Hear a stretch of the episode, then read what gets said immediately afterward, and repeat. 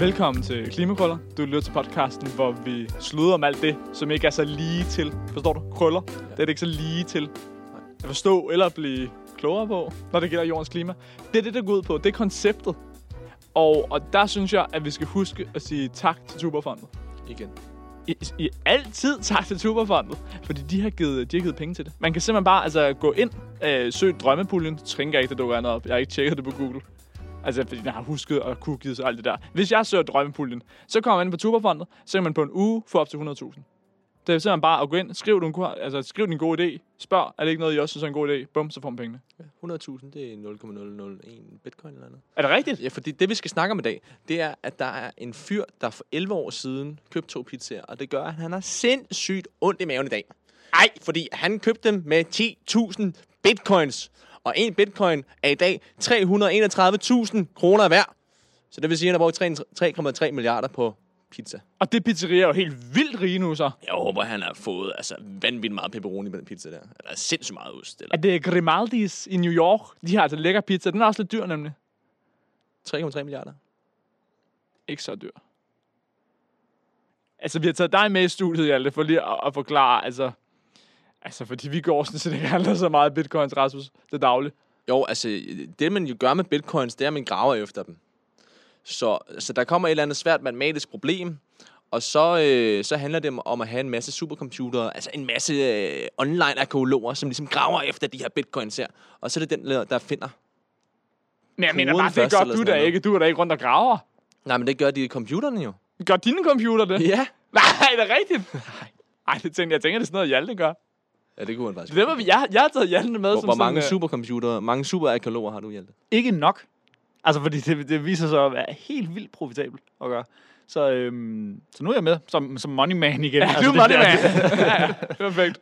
Ja, det, er meget, det er meget relativt, når man sidder over for, for jer to. Jeg kan godt prøve at sige en, en lille smule om, hvad, hvad jeg tænker om det. Altså, man, man kan sige, at nyheden, som, som du har med i dag, det handler om, at man begynder at åbne kulkraftværker i USA. Ikke?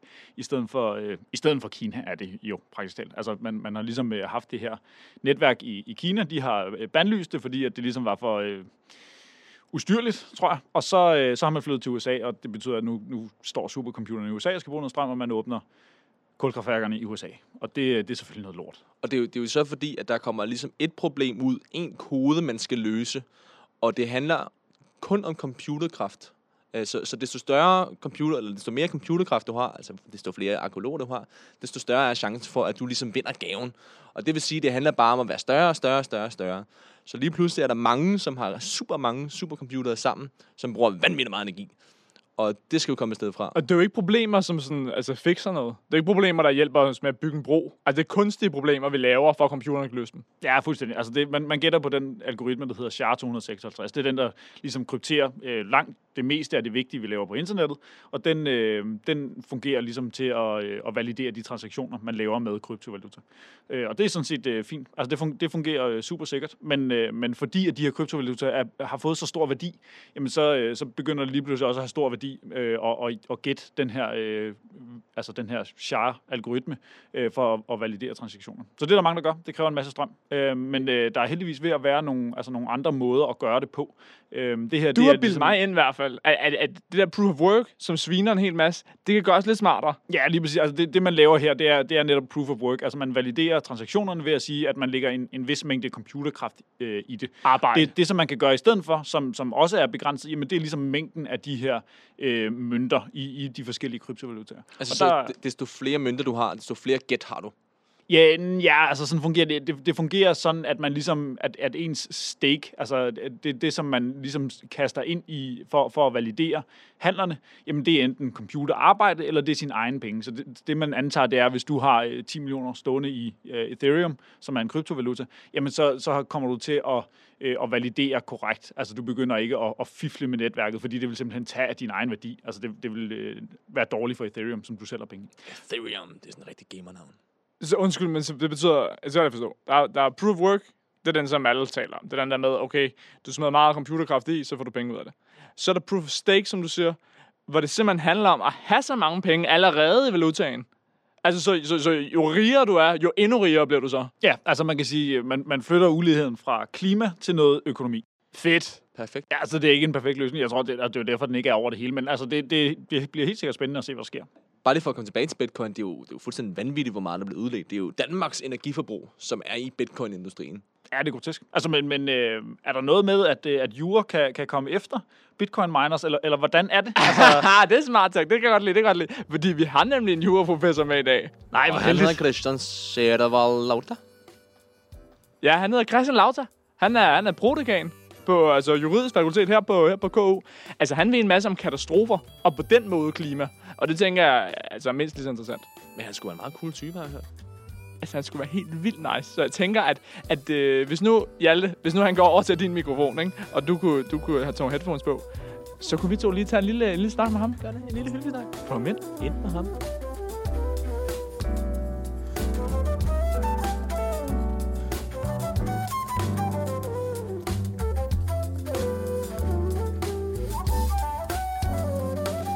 Christian, når vi normalt tænker jurister og advokater og sådan noget, så er det folk, der kommer og, altså, og stjæler alle vores øh, børnepenge, fordi at, øh, man bare lige havde et enkelt spørgsmål på telefonen, og så har man ikke flere penge tilbage.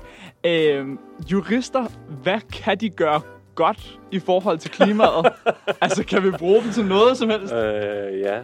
Altså jurister er jo selvfølgelig nogen, der skal løse konflikter i samfundet, som skal håndtere de ting, som også er problematiske, og måske også har et berettiget ry for at tage mange penge for det. Men jurister beskæftiger sig jo ud over, hvad vi kan sige om orden og problemer, også med retfærdighed. Og det vi har set over de sidste 20 år, og måske i de sidste 10 år, det er, at klimaspørgsmålet ikke alene er et spørgsmål om, hvordan vi finder tekniske løsninger, men i stigende grad er et spørgsmål om retfærdighed, om fordeling af ressourcer, om rettigheder, om adgang til øh, bestemte øh, privilegier, og her spiller juraen en fuldstændig afgørende rolle. Både som en slags gatekeeper, der holder folk ude fra alle de her forskellige privilegier, men også som den platform eller scene, hvor de spørgsmål skal afgøres.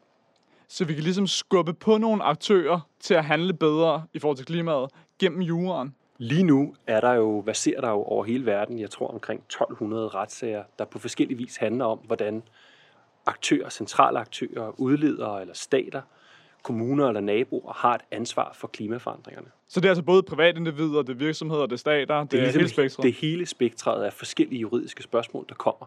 Og det skaber i de her år en, vil jeg sige, stigende aktivitet, også for de her aktører. Måske også en stigende bekymring for, at der på et tidspunkt kunne komme en afgørelse, der gjorde, at man faktisk kunne ansvarliggøres for de udledninger, man har lavet, særligt siden øh, starten af 90'erne, hvor der er en global konsensus om, hvad de her klimaforandringer faktisk gør ved os alle sammen. Ja, altså der var jo tidligere i foråret her, jeg tror både øh, den hollandske stat, men også den tyske stat er blevet dømt for ikke at gøre nok. Selv blev det så også, jeg tror en gang i, i maj eller sådan noget, øh, hvor jeg tror det 17.000 folk og nogle organisationer ligesom stod bag den her retssag. Og de vandt så. Er det noget, vi vil komme til at se mere, at firmaer ligesom bliver taget i retten, eller at firmaer bliver, måske bliver nødt til at gøre mere, fordi ellers kommer de i retten? Utvivlsomt. Vi ser den, den bevægelse ser vi som sagt over de sidste 10 år. Vi kan, man kan, hvis man går på nettet og søger på climate litigation, så kan man se sådan nogle fine statistikker, hvor man kan se ikke alene, at der er en enorm stigning i antallet af søgsmål, hvor man forsøger at ansvarliggøre virksomheder, men også at de søgsmål, de spreder sig over hele verden. Det er ikke kun et spørgsmål om øh, blame games i USA, som nogen sikkert ville tænke, ja, de sagsøger for alting derovre. Det er noget, der foregår i Indonesien. Det er noget, der foregår i Holland, i Norge, Tyskland, måske snart i Danmark, i New Zealand, i Øh, Så over hele verden, så rejser det her spørgsmål sig som et krav, at retten kan forholde sig til ansvarsspørgsmålet i klima.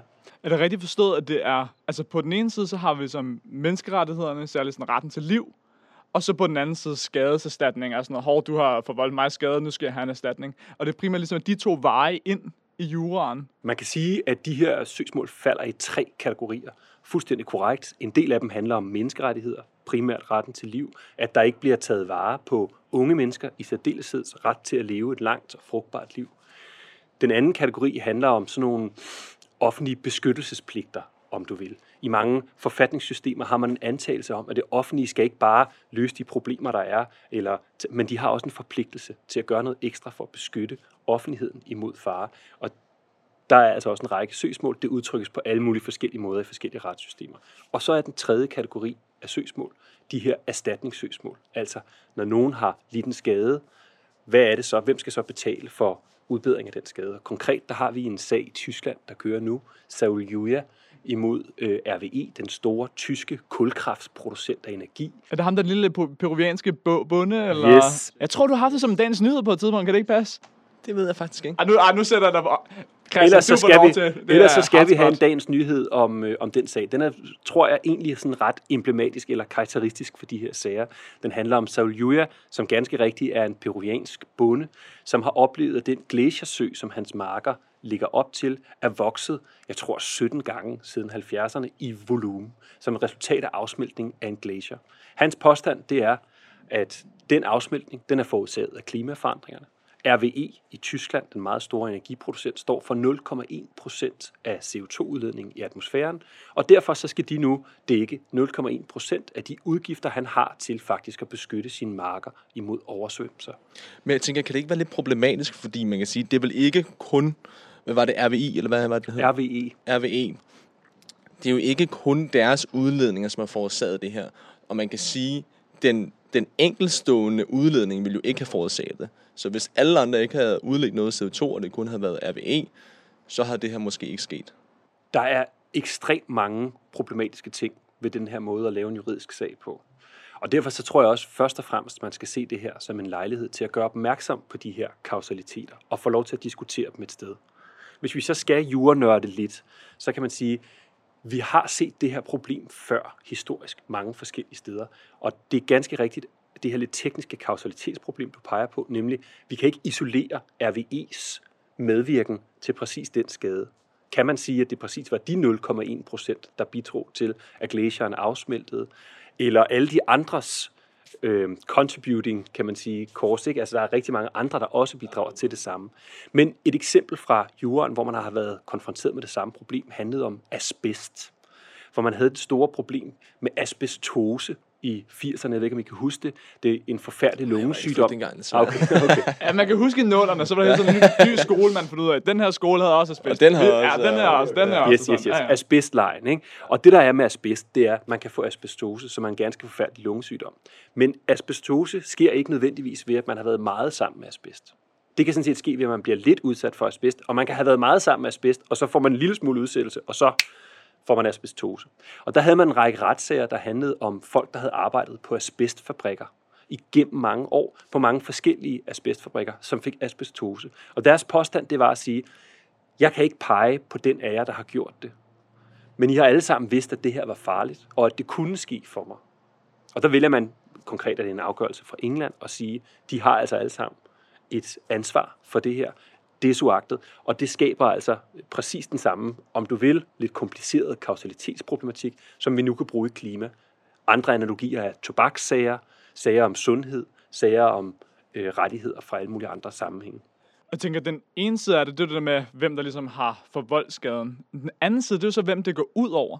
Er det komplekst at vise øh, kausaliteten netop fordi vi skal pege ned på, at det går ud over et menneske her. Ville det være lettere, hvis nu hele økosystemer eller hele klimaet havde deres egne rettigheder? Ja, det vil, øh, det vil åbne nogle helt nye øh, veje til at føre de her sager. Øh, vores retssystem er jo historisk betinget enormt menneskecentreret. Vi fokuserer på menneskelige tab. Øh, jeg skrev selv for et par år siden en artikel om isbjørnes rettigheder. prøvede at sige, prøvede, prøvede at regne ud, hvad, hvad vil der egentlig ske, hvis man ved et uheld dræbte en isbjørn i Grønland? altså, det er sådan noget, man lige kunne komme til. Ja. Ups. øh, en forureningsulykke eller sådan noget, der ødelagde øh, isbjørnenes leveområder. Og der viste sig det ironiske, at den måde, vi beskytter rettigheder på nu, de steder, hvor man ønsker at have den strengeste fredning af øh, liv, der er det billigst at slå de dyr ihjel, mens de steder, hvor man har den højeste kommercialiseringsgrad, for eksempel i Kanada, hvor man kan købe jagtlicenser til isbjørnen, der vil man egentlig have det største erstatningskrav som et resultat af en ulykke. Så retten har et virkelig ambivalent forhold til det med den vilde natur, det uejede, det der er derude. Så du skal hellere tage til Nord-Norge eller et eller andet, til Svalbard og gøre det ved et uheld? Altså, Yes. altså ligesom gøre noget ulovligt der, end at tage til, tage til Canada og så Alaska betale? Konklusionen på artiklen hed Kill him in Norway.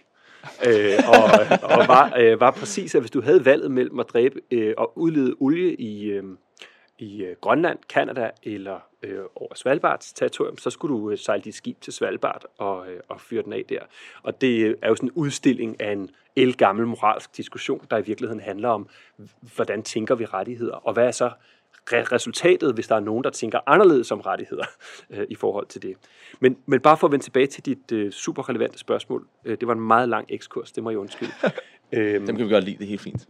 Øh, det, det, det, det er nemlig også super svært at, at vise præcis, at den skade, Sauljuja har, har noget at gøre med glacierafsmeltningen. Og det er sådan set også super svært at vise øh, videnskabeligt, at glacierafsmeltningen er forårsaget alene af klimaforandringer og ikke naturlige variationer. Og den seneste assessment report tager jo det nybrud, at man inddrager det her øh, aspekt omkring attribution models, altså koblingen imellem ekstrem vejr og klima, hvor vi har fået nogle helt nye modeller de sidste 10 år. Min samarbejdspartner i Oxford, Freddie Otto, kom lige på Times 100 mest indflydelsesrige personer for de gennembrud, de har lavet de sidste 10 år videnskabeligt i at kortlægge sammenhængen imellem ekstrem vejr og, og, og klimaforandringer.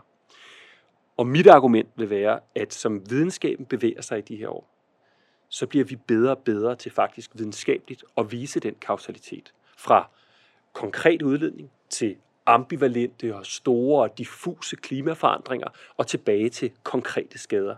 Og når vi kan tegne hele den kausalkæde, så er der et helt nyt retligt problem, der præsenterer sig. For hvis vi kan dokumentere, at det faktisk hænger sådan sammen, hvorfor i alverden skulle der så ikke være åbnet for, at vi diskuterer ansvar? Og det bryder ligesom dørene fuldstændig op til den her diskussion om loss and damage i klimaforandringerne. Det bryder dørene op, men den åbner næsten også side 1 på den bog, jeg har her i hænderne. Og her må vi lige skynde os at sige, fordi altså, vi, vi havde Mærsk i studiet, og altså min mellembark blev, blev væltet derefter, fordi vi simpelthen havde været, været han var bare for god, ham på Mærsk. Han, han øh, fik fuldstændig tryllebundet også med sine gode tal. Så nu kommer lige en rigtig reklame. Det er... Øh, du kan betale bagefter, Christian. Ja, fedt. ja, det er den måde, vi laver reklame på her. Jeg har fået lidt på forskud, så det Altså, katastrofer og hvad de kan lære os om os selv. Det er en bog, du har fået udgivet her i, i foråret, som handler om katastrofer lidt mere overordnet set. Det er ikke bare klima, men det er også øh, corona. Det er smart, du lige får, får ja, den op med nye eksempler. Ja, det, det er super smart. Og der taler du om, hvordan grænsen mellem, hvad der er uretfærdigt og hvad der er uheld, at den har rykket sig historisk set, og vi står et nyt sted nu i forhold til tidligere. Du berørte det lidt tidligere, men kan du prøve at sætte ord på, hvad, hvad er forskellen? Ja, det er sådan en figur, jeg henter fra politisk filosofi. Det er sådan, øh, øh, virkelig en god filosof, hvis man lige sådan, øh, hun, hun skriver kort og præcist. Hun hedder øh, Judith Chaklar, og øh, hun har skrevet en masse ting om uretfærdighed. Og det, hun fortæller os, det er, alt dårligt, der rammer os i vores liv, forstår vi enten som et uheld eller en uretfærdighed. Men grænsen mellem de to er ikke fastsat. Det er noget, vi forhandler hele tiden. Det handler om vores kulturelle opfattelser, vores position. Chaklars eget eksempel, det er det at være en kvinde. Og det ved jeg godt, det kan være sådan et eksempel, de fleste tænker, hvad for noget? Øh, men hun siger, hvis man blev født som en kvinde for 100 år siden, så var det et uheld. Du havde grundlæggende set bare dårligere muligheder for at få et fedt liv. Dårligere muligheder for selv at bestemme, hvad du ville læse, hvem du ville gifte dig med, og hvor du skulle rejse hen i verden. Over de sidste 100 år, så har vi flyttet vores blik og lavet det om til en uretfærdighed. Altså, ikke en uretfærdighed at være en kvinde, men en uretfærdighed at blive behandlet forskelligt fra mænd. Præcis det samme er sket over de sidste 30 år med katastrofer. At det var noget, vi opfattede som grundlæggende uheld. Noget, der ramte os udefra. Noget, der var ude af vores kontrol eller hænder. Og derved ikke noget, vi sådan, sådan kunne drages til ansvar for. Og nu er det i stigende grad sådan, at vi forstår det som en uretfærdighed at når Lyngbyvejen oversvømmer herude, så handler det ikke om, at det regner meget. Det handler om, at der er nogen, der stadigvæk ikke har fået håndteret de der kloakkapaciteter.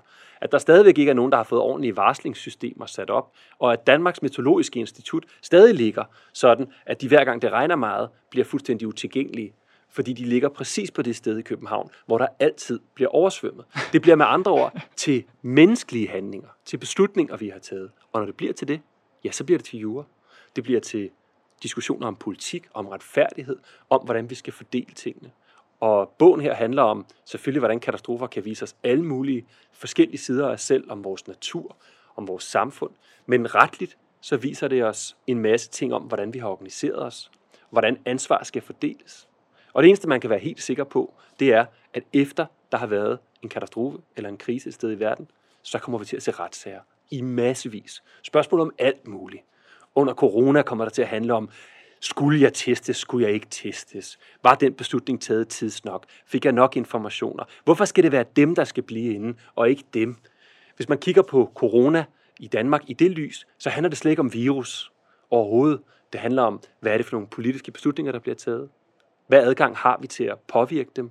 Hvordan fordeler vi ansvaret for dem, der skal lide tabet på vegne af os andre? Og i det lys, så bliver corona i virkeligheden en prisme for minksager, for retsstatsdiskussioner, for en demokrati, og derved, hvad det er for en fremtid, vi alle sammen skal have sammen. Jeg synes, det er et super fedt perspektiv, det der med, at katastrofer, det er noget, som, øh, som vi egentlig er skyld i, fordi vi ikke har forberedt os godt nok, eller fordi vi ikke agerer ordentligt på det. I et internship i Kenya på et tidspunkt, så snakkede jeg med en, der arbejdede meget med FN og, og famines, øh, Ja, øh, hungersnød. hungersnød, ja præcis. Ja, ja.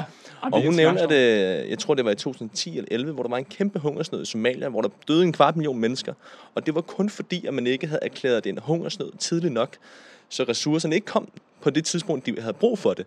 Øh, Og det er jo meget velsigende, synes jeg. Det, det er sådan set, hvordan vi ligesom agerer på en katastrofe. Og der er også nogle forskere, der snakker om, at den måde, vi bedst lærer katastrofer eller naturkatastrofer, det er ved at tage natur, ordet natur, ud af selve katastrofen. Ja, det er simpelthen sådan, at når jeg deltager på konferencer nu øh, med mine internationale kollegaer, så er der sådan nogle, der drøner rundt med sådan nogle klistermærker, hvor der står no natural disasters på, og hver gang nogen kommer til at sige naturkatastrofe, så får man sådan en klistermærke øh, sat på. Øh, Det er fire gange i dag. Øh, ja, ja. Øh, og, øh, og det er, også, det er måske også lidt meget øh, fuldstændig at fjerne naturen, for der er masser af ting, vi kan lære og blive klogere af ved faktisk at studere naturen og vores sammenhæng med det naturlige system. Men ikke desto mindre, så er der en væsentlig pointe i det. Øh, hungersnød har været det traditionelle eksempel siden 70'erne på det, vi kunne kalde menneskeskabte katastrofer.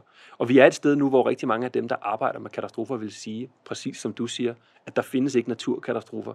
Der findes kun os selv, vores sårbarhed, vores beslutninger om, hvem der skal være sårbar og hvorfor.